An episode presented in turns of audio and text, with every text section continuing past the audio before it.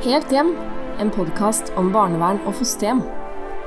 Podkasten er produsert av Aberia. Velkommen til en eh, ny episode av Helt hjem. Vi skal ta for oss eh, et eh, nytt tema. Denne gangen så heter episoden Hjemmebane. Vi skal snakke om det å bygge et hjem og alt rundt det. Jeg har med meg mine to flotte gjester i, i podkasten. Marius, hjertelig velkommen tilbake til deg. Takk for det. Så har vi også med oss eh, Freddy. Velkommen igjen. Takk, takk. Gutta, vi har eh, gjennom disse episodene Først kan vi jo si til lytteren at vi anbefaler faktisk å gå tilbake og lytte til forrige episoder. Men det er fullt lov også å høre denne episoden alene. Skal vi ta en kjapp recap for nye lyttere? Freddy, hvem er du? Freddy Bolle, 54 år. Eh, har vært 25 år i barnevernet. Eh, mye i forsvar og utenlandstjeneste. Foredragsholder. Eh, glad i friluftsliv. Og trener en del, for det er godt for huet mitt. Ja, det er vel kortversjonen av meg. Ja, Og Marius? Ja, jeg er da Marius Karlstrøm. Jeg er eh, 37. Eh, har vært i barnevernet som eh, barnevernsbarn i 20 år. Og så har jeg jobba der i 6 år. Og så har jeg jobba med ROP-lidelser i eh, fire år. Og så har jeg eh, eh, fram ansiktet mitt, sånn at jeg har levd litt spennende eh, i perioder. Er eh, pappa til to. Og trener og går på ski og kobler av og ja Lever et veldig godt liv, egentlig. Mm. Og dere begge dere ble kjent på institusjonen når Marius kom dit. Men nå er dere begge pappaer og har deres eget hjem. Eh, Freddy, hvor mange barn har du? Jeg har tre. Du har tre, ja. Mm. Og, og Marius, du dro på eh, med tvillinger i fjor. Ja, jeg, mm, jeg gjorde det. Det har vært en lang prosess. Vi har, hatt, øh, vi har slitt med å få barn, så vi fikk hjelp av Rikshospitalet. Og da skulle vi helgardere oss øh, med å sette inn to embryoer. Og det var for at vi skulle øke sjansen for at ett festa seg, og da blei det to. Og vi skulle egentlig ha ett barn.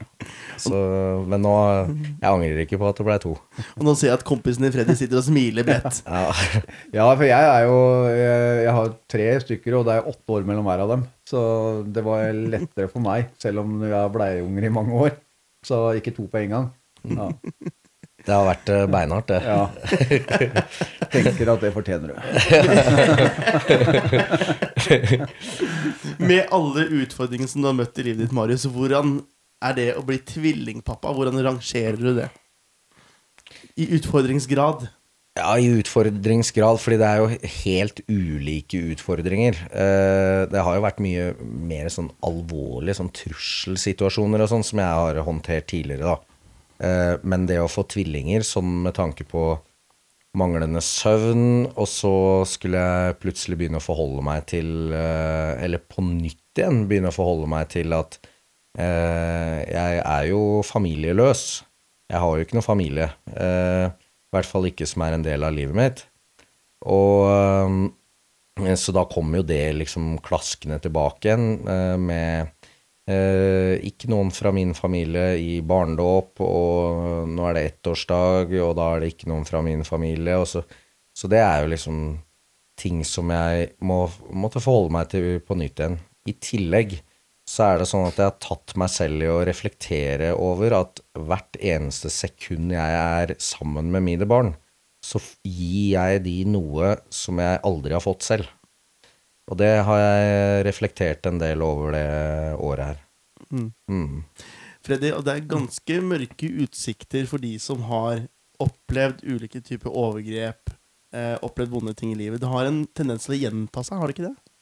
Eh, jo, det kan bli et mønster, men eh, da er det viktig at eh, de får noen trygge voksne rundt seg, da, som kan bryte det mønsteret og skape andre verdier, skape andre arenaer som de kan blomstre på. Da.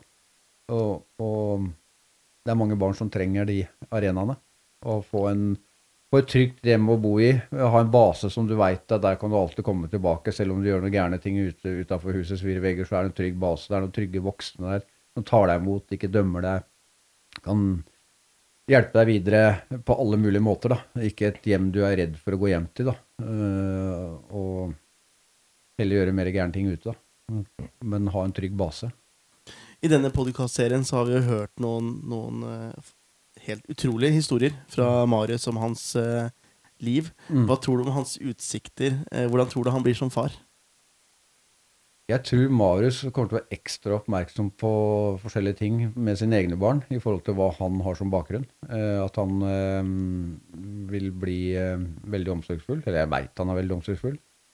Han Jeg må flire litt av han, for han, skal i noen sånne barnehagegreier nå til mandagen, var det vel? Mandag, ja. Og der er, der er ting i orden, altså. Jeg var nok litt mer sånn som jeg putta mine egne unger, kjørte dem med halvfeber ut i barnehagen og ute der og, og, og dro av gårde før hun barnehagetanta skjønte at de var sjuke. Eh, for at jeg hadde noe annet jeg måtte gjøre på jobben eller sånne ting. Men Marius er ordentlig, og det, det er bra. Det tenker jeg. Ja. Er for forsiktig, syns du? Nei, er ikke for, forsiktig, men han eh, Han er ikke helt lik meg der, da. Eh, det, det, det tror jeg. Han vil at det skal være ordentlig, det er mitt inntrykk, og det, er- det er en bra ting. Jeg var nok eh, litt mer eh, slupphendt eh, overfor mine egne barn. Ikke sånn negativt, men ja ja, det ordner seg sikkert, tenkte jeg. Men du følger jo med og overvåker, og er det hadde det noe som har sklidd ut med mine egne barn, så klart da måtte jeg dra inn skrutrikka. Men på en positiv måte, eller på en måte som gjør at de fikk retta seg inn igjen. Men det har jeg sluppet. Kan jeg spørre deg, Marius, hva er, er det noe du frykter i forhold til det å, å være pappa? Uh, ja, og det er mye. uh, det er jo uh, Den største frykten min er jo å skulle mislykkes som far. Fordi jeg vet jo Jeg ser jo at barna mine er ganske rolige og balanserte, og de Jeg vet jo liksom at de har et eh, godt og trygt og mm, forutsigbart og omsorgsfullt hjem, men allikevel så er det jo ikke noe fasit på det. Så jeg går jo og tenker liksom bare Faen, gjør jeg det her riktig? Og øh, øh, Ja. Det, det, det er vel det jeg liksom skal At jeg frykter mest, da. At jeg ikke skal klare å å møte behovet deres godt nok og eh, og, og være liksom den støtten god nok som de trenger. Fordi jeg jobber og har liksom et liv ved siden av, da. Så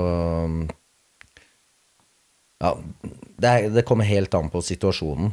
Hvis jeg skal legge de, så kan jeg tenke at jeg er en uh, ganske dårlig far, fordi de griner begge to og griner mer og mer og mer, og så er det egentlig handler det jo litt om den fasen de er inne i livet sitt, og så Ja.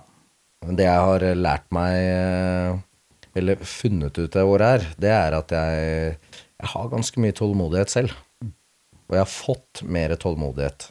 Sånn eh, Ja, i starten så, eh, så skjærte det inni meg hvis de gråt og, og sånn, og jeg blei ganske stressa og liksom Hvordan skal jeg gjøre det her og, og sånn, men nå, nå har det liksom eh, gått seg til. At eh, jeg beholder roen på en litt annen måte. Da. Og det, ja, det syns jeg er ålreit. Og det å beholde roen, det er viktig for å skape et godt hjem, er det ikke det, Freddy? Jo, det er helt riktig. Det virker å være en nøkkel for deg. i- Ja, det, det å holde roen, og det, for det smitter over på motparten, eller den du er sammen med, eller det barnet, eller ungdommen, eller andre voksne og alt sånt. da. Eh, eksempel kona, nå skal ikke jeg utlevere henne, men eh, og sønnen min har aldri vært var aldri så glad i skolen, og skal gjøre lekser, og han løper og gjemmer seg under kommoden i stua, og kona løper etter med lekseboka, stikker den under kommoden for å Nå skal må du lese, så Nå trenger vi ta av. Det her nytter ikke. Eh, så så det å beholde roen isteden, vente den ut litt og få den ut og snakke om lekser på en annen måte enn å gjøre det på sanne ting, da. Eh, og det å bruke litt humor. Humor har alltid vært kjempeviktig for meg med alle typer mennesker. Eh, for det løsner eh, situasjoner. Men aldri krenkende humor, da. Mm. Men også ha sjølironi, da. Det løsner også opp på en stemning når du møter andre mennesker, da. For det ufarliggjør deg sjøl, og ufarliggjør hele situasjonen. Så det har jeg brukt som en sånn greie for å nå inn til mennesker, da. Mye sjølironi. Jeg har lyst til å ta opp det her med eh, hva er et dårlig hjem? For det kan også fortelle noe om hva som er et godt hjem.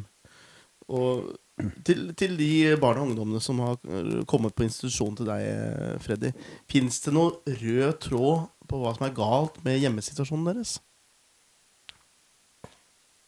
Nei, det er, det er, det er så stort, det lerretet der òg. Altså. Det er så mye forskjellig. Eh, Det kan være skilsmisser, det kan være um, foreldre som jobber mye.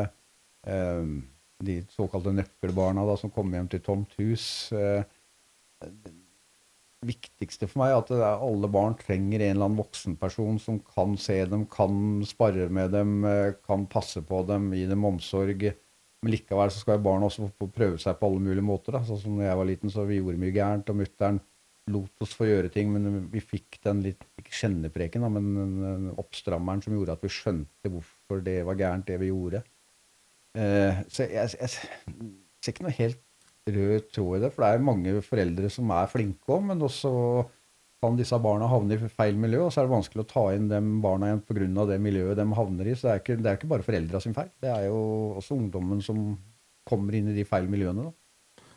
Man har sånn kanskje en oppfatning om at, eh, at det alltid er rus inne i bildet, f.eks. Men det er kanskje ikke tilfellet? Nei, det er ikke Men det er, det er, det er blitt mer av det, syns jeg, eh, i forhold til det jeg observerer. Mer rus. Eh, Tilgangen er overalt.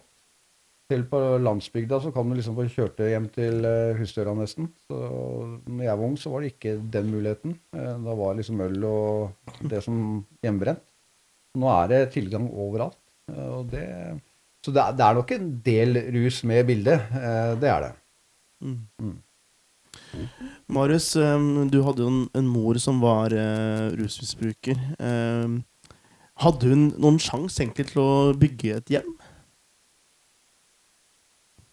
Det er vanskelig å, vanskelig å svare, svare på, men jeg tror jo de aller, aller fleste med riktig støtte kan øh, få det til. Jeg tror det.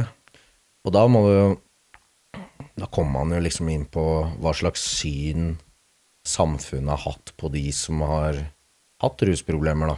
Det er også en ekstremt stigmatisert gruppe som man egentlig har skjøvet ut i kulda, i stedet for å eh, prøve å forstå at de driver med smertelindring og, og sånn eh, i forhold til hele livssituasjonen eller barndomsopplevelser og sånn.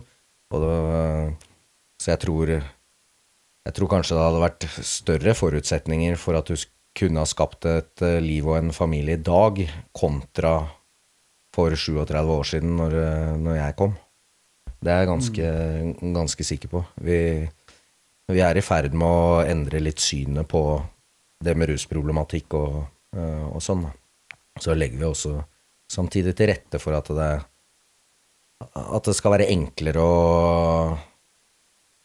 å, komme tilbake og inn igjen i samfunnet. Ikke leve på skyggesida. Mm.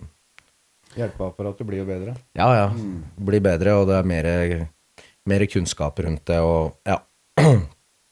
Så hun De verktøyene moren min hadde eh, for 37 år siden, det var jo ikke tilstrekkelig. Og eh, nå vet jo ikke jeg om hun om hun motsatte seg hjelp eller eh, noe sånn heller, men det, det var jo i hvert fall ikke tilstrekkelig. Og dessverre så er det jo fortsatt ikke tilstrekkelig, da. Eh, ja. Men det å, å bygge et hjem Jeg tenker på noen av de som kanskje lytter til denne podkasten, vurderer kanskje å bli fosterforeldre eller ha et familiehjem. Når man er i den situasjonen, så har man oppholdt et, et håp om å kanskje hjelpe noen, eh, vil man si. Men allikevel kan kan vi si noe om det å bygge et hjem før man får en, et barn eller ungdom da, som kommer fra en litt trøblete bakgrunn. Kan man forberede seg på noen måte? Ja, det tror jeg man kan jo litt enkelt sagt lese seg på mye ting òg, og forberede seg, spare. Og det er jo hjelpetiltak som hvis du skal bli fosterhjem, da, så får du jo støtte eh, der du skal, dem du skal bli fosterhjem for. Du kan finne ut om ungdommen på forhånd, du vite hva slags ungdom eller barn som flytter hjem til deg, eh, så du er forberedt best mulig der. Og så bør du jo ha en avklart hjemmesituasjon. Det bør ikke være noen konflikter eh, innad i Hvis det er to stykker, da, en mann og dame, eller om det er to menn eller to kvinner, eller hva det nå er som skal eh, starte et fosterhjem. Det bør være avklart mellom dem at det er noe de vil, og jeg tror alle kan få til det her. Eh, Det er jeg ikke i tvil om i hele tatt, og dem som sitter med et ønske om det, burde gjøre det. Men da må også være klar over at det kommer noen humper i veien. Det kommer noen knyttnever eh, sånn, eh, på en eller annen måte. Ikke sånn slag, men at det, det er vanskelig òg. Men Men det kommer stort sett noe godt, ut av det i enden, da. Eh, sånn sett. Og gi et menneske hjelp som trenger det. Eh, så det vil jeg anbefale alle å gjøre. Som ønsker det. Marius, du, du, du, vi kan vel få lov å si at du var en håndfull. Eh, back in the days. Ja, eh, ja. Når du kom i fosterhjem. Er det litt ennå? Jeg er litt, jeg er litt håndfull ennå. Men eh, hvordan tror du fosterforeldrene dine hadde det når du, når du kom til dem? Jeg tror det eh, I starten så Nå må jeg jo tenke litt hva jeg har lest og sånn, da. Eh, så der var det vel fostermoren min som hadde det liksom største brennende ønsket, og så var fosterfaren min var litt mer sånn bakpå. Og liksom, ja, ja, hun ønsker det. Eh, og så ble det nå en gang sånn. Eh, og så fikk de jo Jeg vet ikke om de den gangen fikk like mye opplæring og like mye veiledning og sånn til å håndtere det som skjedde rundt meg, da. Uh, det vet jeg ikke. Uh, og jeg det er, det er som jeg sa i stad, at det, det var jo en helt annen eh, mentalitet rundt det å skulle møte barn som eh, måtte bo i fosterhjem eller noe den gangen, kontra det det er i dag. Så de hadde vel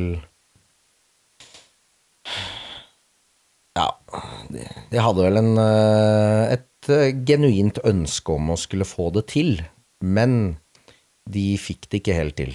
Og, det, og der er det jo, var det en del lovverk som sto i veien, som eh, gjorde at dem følte seg maktesløse. Og så, det var så mange momenter som bidro til at det blei sånn som det blei, da. Og dette er mange år siden. Her har det jo skjedd en del utvikling, faktisk, i oppfølgingen av fosterforeldrene. Hva kan vi si om den utviklingen? Det er positivt. Det er jo sånn som du blir fosterforeldre, så sånn jeg har forstått, så er det jo sånn at man trenger en pause innimellom på alle mulige måter. Det er egne barn òg. Det er jo sånn man drar på hytta og sånn, og da er det jo rett, lagt til rette da, for at man kan gjøre det. Få den litt avlastninga man trenger, og gjøre andre ting. Og så får man styrka tilbake inn i, inn den rollen man skal ha da, som fostermor, fosterfar, fosterforeldre. Så det er lagt til rette.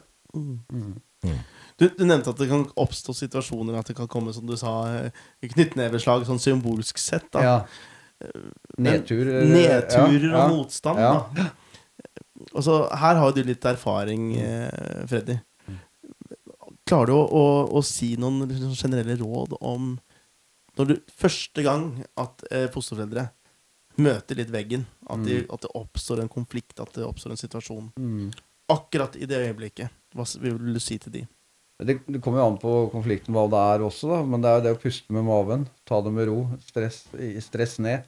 Det her er ikke livet om å gjøre. Eh, også prøve å finne løsninger sammen med den ungdommen, men gi den gjerne litt tid, da, hvis det er høylytt og det er litt skriking og kanskje en rømming eller noe sånt. Noe. Ikke stress deg opp, men ta det helt med ro. Dette her ordner seg. Bare prøv å ta det på en ordentlig måte med ungdommen. Ikke Hvis du hauser opp ting, så vil ungdommen også hause seg videre opp. Så mm, vet ikke helt om det var rette råd Jo, på en måte så er det det å beholde roen. Eh, Men Marius, er det ikke noen ganger eh, riktig å kline til litt? da? Si ifra? Jo, men eh, det er eh, måten man gjør det på. Og man kan, eller man bør, ha eh, liksom kontroll over familiesituasjonen som forelder. Men den bør også ut, eh, liksom utøves med varme. Ikke kontroll som ut, eh, utøves med avstand og kulde, og liksom hvor man skyver folk fra, hverandre, fra seg og, og sånn. Så uh, Man er nødt til å si fra uh, hvis det skjer ting som ikke er greit. Samtidig så tror jeg at eller Når jeg snakker om det med kontroll og varme og sånn, altså så det må sies fra på en sånn måte at hvis ungdommen har gjort et eller annet uh, sprell da, ute, så må du vite at det alltid kan komme, igjen, komme hjem til det fosterhjemmet og øh, bli møtt med varme og støtte. Ja, du dreit deg ut nå. Kom igjen, nå børster vi av det på skuldrene, og så ser vi fremover. Sånn at Den trygge basen Ja. man kan ha et sted å, å komme tilbake til. Da. Ja. Selv om man, for alle ungdom gjør gærne ting. Alle vil eh, skli på isen en eller annen gang, og da er det greit å ha et sted å komme tilbake til. Ja, ja. Ikke bli dømt nord og ned. I det, men at du blir snakka til, så klart. Man må si fra når man gjør gærne ting. Det gjør man. Men det er som du sier, Marius, måten man gjør det på. Ja, ja. Det krever en del raushet. Ja. Raushet er en eh, stor nøkkel inn i det bildet her. Mm. Har du måttet uh, sette Maritz på plass noen ganger, uh, Fredrik? Det er så mange år sia. Det var, var det 96, dette her? 95, 95, ja. Så, jeg, jeg er helt sikker. Men jeg tror eh, vi hadde det veldig greit sammen. Mm. Så det var vel det at eh, så fort jeg kom på, så fant vi på et eller annet å gjøre. For du andre forventninger om å finne på noe også. Mm. Så jeg, jeg tror Men jeg veit at mange andre måtte sette ganske harde grenser for deg. Eller eh, Mm. ja, måtte du også brukte vel vold mot noen av dem? Ja, ja. Ja, Jeg gjorde det. Så det holdt. Så Men Jeg husker, husker jo at du sa fra Jeg gjorde jo hærverk og sånn inne der, og, og det blei jo liksom sagt ifra på en ganske sånn raus og varm måte, da.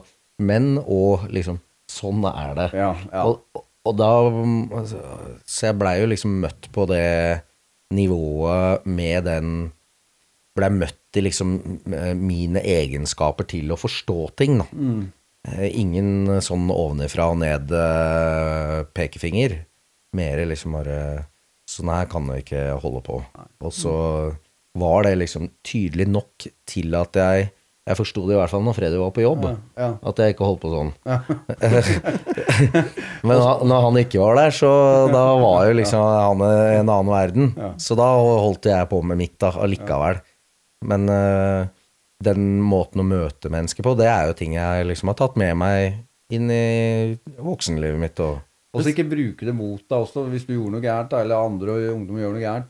Og så sier Hvis du knuser ei rute i enden, da, og så er vi ferdig med det den dagen, og så dagen etter sier jeg ja, du, den ruta du knuser, jo, sier du faen i, eller ja, ja. Ja, blir ja. du dra ting igjen, da.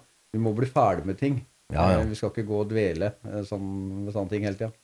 Du sa noe her, altså. Du utøvde vold mot, eh, um, mot noen av de som jobba på institusjonen ja. du var på. Freddy, også her har vi eh, Marius som utøver vold mot Mm. kollegaene dine.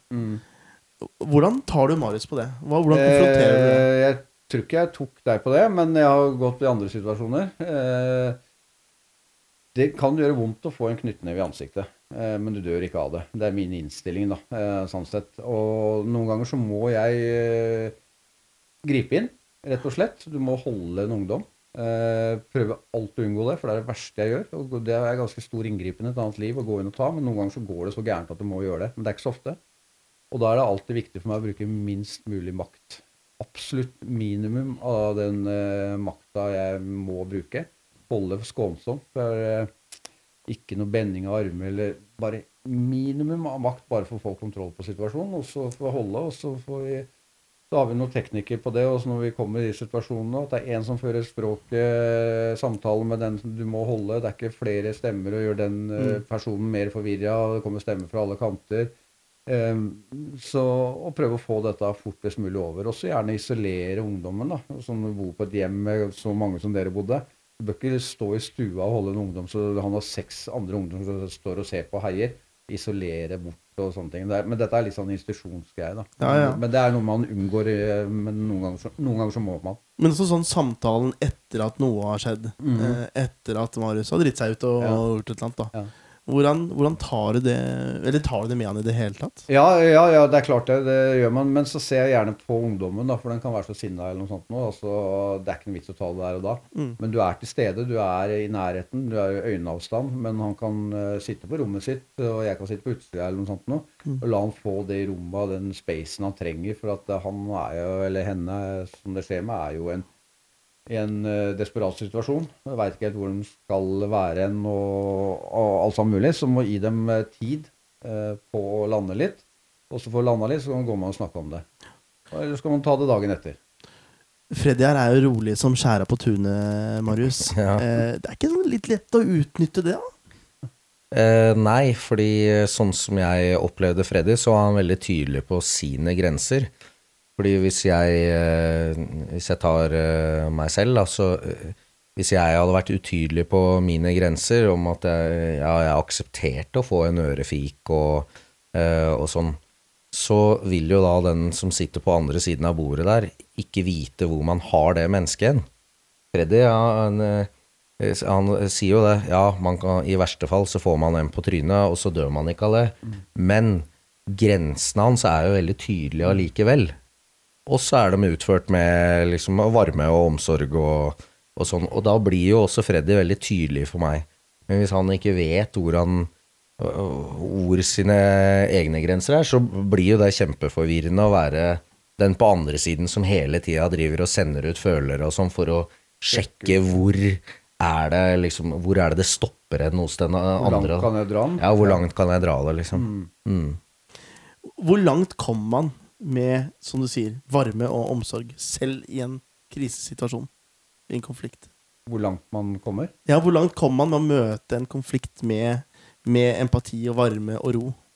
Ja, De aller fleste tilfeller jeg har vært i, det har vært ganske mange opp gjennom åra, eh, så, så er vel det nøkkelen, eh, rett og slett.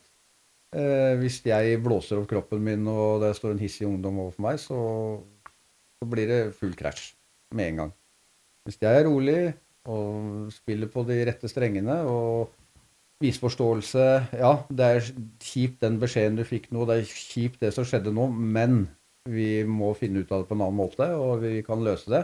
Vi må bare puste litt nå og telle til ti, og så tar vi og finner ut av det etter hvert. ikke sant? Det kan du både si, og det kan du vise med kroppen. Ja. Hvis du er eh, hissig og opprømt og, og, og gæren, eh, Marius, hvordan er det da å bli møtt med en person som er rolig og empatisk? Det blir jo øh, øh, Sånn som jeg husker det, i hvert fall, så blir jo det Det avvæpner jo meg lite grann. Man må ikke glemme at jeg var ganske traumatisert når jeg blei ble flytta til Sole som Freddy jobba, da. Og så jeg væra jo liksom kroppsspråk, og det var jo veldig mye med de som jobba der, som trigga i gang, i gang eh, følelsesregisteret mitt. Eh, og det var jeg ikke engang Hadde jeg jo ikke noe særlig forståelse av eller bevissthet rundt sjøl, at det var det som skjedde. Så det bare trigga i gang, og så gikk jeg rett i forsvar og prøvde å overleve etter beste evne. Så eh, og, Men når man vet det, at det kan skje med traumatiserte mennesker, da, så uh, at det gjerne ikke er meg personlig det er noe gærent med som har uh, gjort at den ungdommen eller den voksne eller et eller annet som blir veldig oppskaka og sånn, men at det ligger noe bak her som trigger, trigger det i gang, da. Og at nå var det bevegelsen min som gjorde at det skjærte seg inni der. Hvis man vet det, så er det også mye enklere å kunne møte, møte de ungdommene, da. For, for, for en, en fosterforelder Du er jo profesjonell i det her, eh, Freddy, men Ja, det var langt, men det er Ja, greit. men du har i hvert fall litt innsyn i det. ja, ja. For noen som har valgt å bli fosterforelder, for eksempel, så kan det være kanskje vanskeligere i starten å lære seg å lese kroppsspråk, øh, hvordan eh, fosterbarnet eller ungdommen snakker. Mm. Kan du fortelle litt om hvordan man leser en, en vanskeligstilt ungdom? Ja, det var et Stort spørsmål. Stort spørsmål, ja. Det var, det var det. Nei, jeg bruker mye å observere. Sans, bruker de sansene jeg har om å, mot det andre mennesket, da, for å se hvordan det er. Jeg, jeg føler at jeg, jeg er flink til å lese mennesker. Ikke for å skryte, men det føler jeg. Og sinnsstemninger og alt sånt. Og det kommer man langt med, og så kan man legge en plan etter det. Og så gjerne ha Altså Når jeg drar på jobb og skal gjøre et eller annet på jobben, eller noe sånt, så har jeg gjerne en plan A, en plan B og en plan C. Hvis eh, plan A går dårlig, så prøver jeg plan at du er litt forberedt da, eh, i, mentalt på hva som kommer til å skje. Eh, det, det, er, det er et viktig verktøy for meg å kunne gjøre i alle typer situasjoner. Du, skal, du er ikke sånn at du går sånn stressa hele tida, men det er noen situasjoner som gjør det at ja, man må bruke de midlene da, for å finne ut av ting. Lage seg flere forskjellige planer. Lese du, du, vet ikke om du greier å lære deg til det, eller om det er noe innebygd som man har, eh, rett og slett. Eh, å ha en eh, god makker, samboer, kone, mann, å spare litt med og finne ut av ting, da, og så lufta det litt. Ja, er det noe man kan lære seg? Det å bli bedre på å lese Ja, til en viss grad så tror jeg nok det. Eh, Men eh, det er vel kanskje noen som ikke greier det også, tror jeg. Mm. Jeg har opplevd det. Marius, hvordan er, er- hvordan er du på det etter det du har opplevd? Er du mer observant på andre mennesker, måten de snakker på, måten de oppfører seg på? Uh, ja, jeg vil i hvert fall tro det i dag. Uh, jeg tror kanskje den viktigste nøkkelen min har jo vært å bli mer observant på hvordan jeg sjøl tenker og tolker og eh, legger liksom litt fantasier inn i andres atferd og sånn, da. Eh, eh, det tror jeg kanskje er det viktigste verktøyet mitt i dag, at jeg har en eh, en bevissthet rundt meg sjøl, da, og hvordan jeg også kan påvirke andre. Eh, I tillegg så eh, er det ganske viktig å si det at man eh, Man skal liksom ikke jakte på de ungdommene og være ute etter å ta de for at de har jugd eller eh, manipulert eller eh, et eller annet sånn. Man kan jo si liksom ja, men det, det samsvarer jo ikke helt det du sier nå, og så, og så har du, gjør du noe helt annet. Men eh, Eller fordi hvis man begynner, havner i den derre eh, Mistenksomhetsgreia, tenker ja, i den, i den mistenksomhetsgreia der, så etter hvert da, så vil jo ungdommen sense det, og så plutselig så blir det her hvor folk er ute etter hverandre, og, så, og da er man inne i en ganske dårlig dynamikk, eller en ganske farlig dynamikk, hvor det utvikler seg til å bli en krig. Og i den krigen der, det er jo jeg et levende bevis på, at det, der finnes det ingen vinnere. Det er bare tapere. Så eh, liksom nøkkelen er jo å hele tida jobbe for å skape og, og bygge en allianse og bygge en sterk og god relasjon eh, som, med, som innebærer gjensidig respekt, og hvor man eh, Det er ikke bare ungdommen som skal opparbeide seg eh, tillit. Det går jo andre veien også. Det må jo være en gjensidig tillit der eh, som ligger der. Og eh, eh, voksne, de kan også gjøre feil. De er jo ikke feilfrie selv om man er fosterforeldre eller en som jobber i en institusjon eller noe. Og da, sånn at man eh, møter ungdommen også i det, da. At eh, det, det er liksom noe som går begge veier her. Og at man hele tida jobber ut ifra det. Eh, når det er sagt, så er det jo den voksne som kanskje har liksom de, de største og breieste perspektivene og sånn, og da har de gjerne også ansvaret for å ivareta det største ansvaret for å ivareta den relasjonen og den alliansen. Og jeg tror uten eh, Hvis man ikke har de eh, forutsetningene for å bygge eh, tette og, og sterke allianser med noen, så tror jeg det er ganske vanskelig å skal jobbe i et så skjørt i en så skjør relasjon, da. Klok, du. Jeg er ganske Ja, klok. ganske klok, ja. Det skal jeg si, altså. Men uh, Denne episoden dreide seg om hjem, og så ender vi opp egentlig med å snakke om kommunikasjon. Hvor stor andel av det å bygge et trygt hjem er kommunikasjon? Det er veldig viktig, både verbal og non-verbal, eh, på alle mulige måter. Eh, man finner ut av hverandre på den måten der. Det er det samme som med samboerskap. det. Kommunikasjon er kjempeviktig for å nå, ha det godt i livet og få ting til å fungere. Eh, litt sånn som du også sa, sa den mistenksomheten du snakka om i stad. Eh, Du, som du nevnte før, der du bodde før, du, dere lagde en indre justis i ungdomsgruppa. Ja, ja. For at dere var redd noe skulle lekke ut, ikke sant? Dere hadde kanskje ikke noe tillit til de voksne eller et eller annet der, da. Eh, Så det er, det er jo kjempeviktig å gå og være mistenksom og beskylde hele tida. For å spille litt med åpne kort da, så langt man kan. Vi, opp, vi opplevde jo at de ansatte de var ute etter å skulle ta oss for det gærne vi gjorde. Så allerede der så var det jo liksom en skeivhet og en uh, veldig stor ripe i lakken på det å skulle bygge sterke og gode allianser mellom de ansatte og ungdommene. Da. Så Eh, og I tillegg til at det var ganske heavy sånn strafferegime bak det eh, hvis vi gjorde noe gærent og sånn. Så da hermetiserte det all informasjon, og så e- etablerte man en subkultur da, inni der, liksom. Men det, det er jo kommunikasjon, da. Igjen, det er humor også er en del kommunikasjon. Ikke? Ja, ja. Kjempeviktig. Kjempeviktig. Det er en uh, veldig viktig faktor. Mm. Helt til slutt skal vi prøve å oppsummere litt. Nå skal jeg stille dere samme spørsmålet, samme spørsmålet og så skal vi se hva som svaret blir. Vi, vi sender gammelen ut først, gjør vi ikke det, Marius? Er det noe som kan dår- Dårlig til beins? Du skal rett og slett få lov til å beskrive hva er Nå reiser du deg og går? Nei, nei, nei, du ser ikke det. Mente.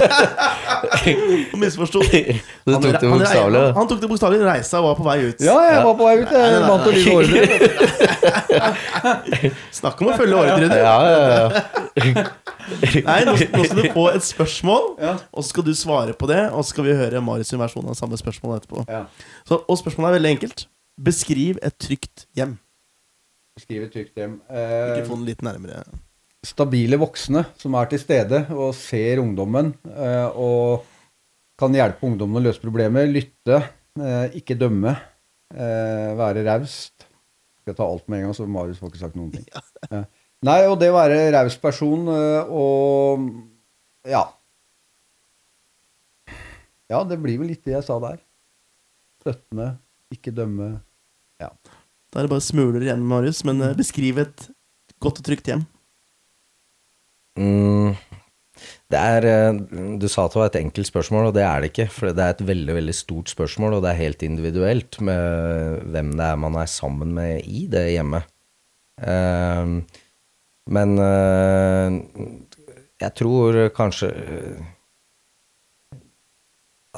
å, å lage et, et trygt hjem det er jo da at man er åpen for det at en ungdom eller barn eller et eller annet driter seg ut. Og de aller fleste som lever av de voksne i det hjemmet, de har jo driti seg ut sjøl og som barn og, og, og ungdom. Nei, ikke Freddy. Men, eh, men, men at man har det med seg i tankene, da, og at man ikke, ikke bruker det som eh, et redskap for å mistenkeliggjøre, men at man bruker det som et redskap til å ufarliggjøre. Det at man Ja, ok, nå Det her kunne du kanskje ha gjort litt annerledes. Jo, du Det er masse ressurser i det du driver med, men kanskje du kan eh, eh, benytte deg av de ressursene på en litt mer hensiktsmessig måte. Hør nå, det her er kanskje en, en litt sunnere og bedre og tryggere retning, da. Så Freddy oppsummerte jo ganske mye av det, da. Og, jeg tror kanskje også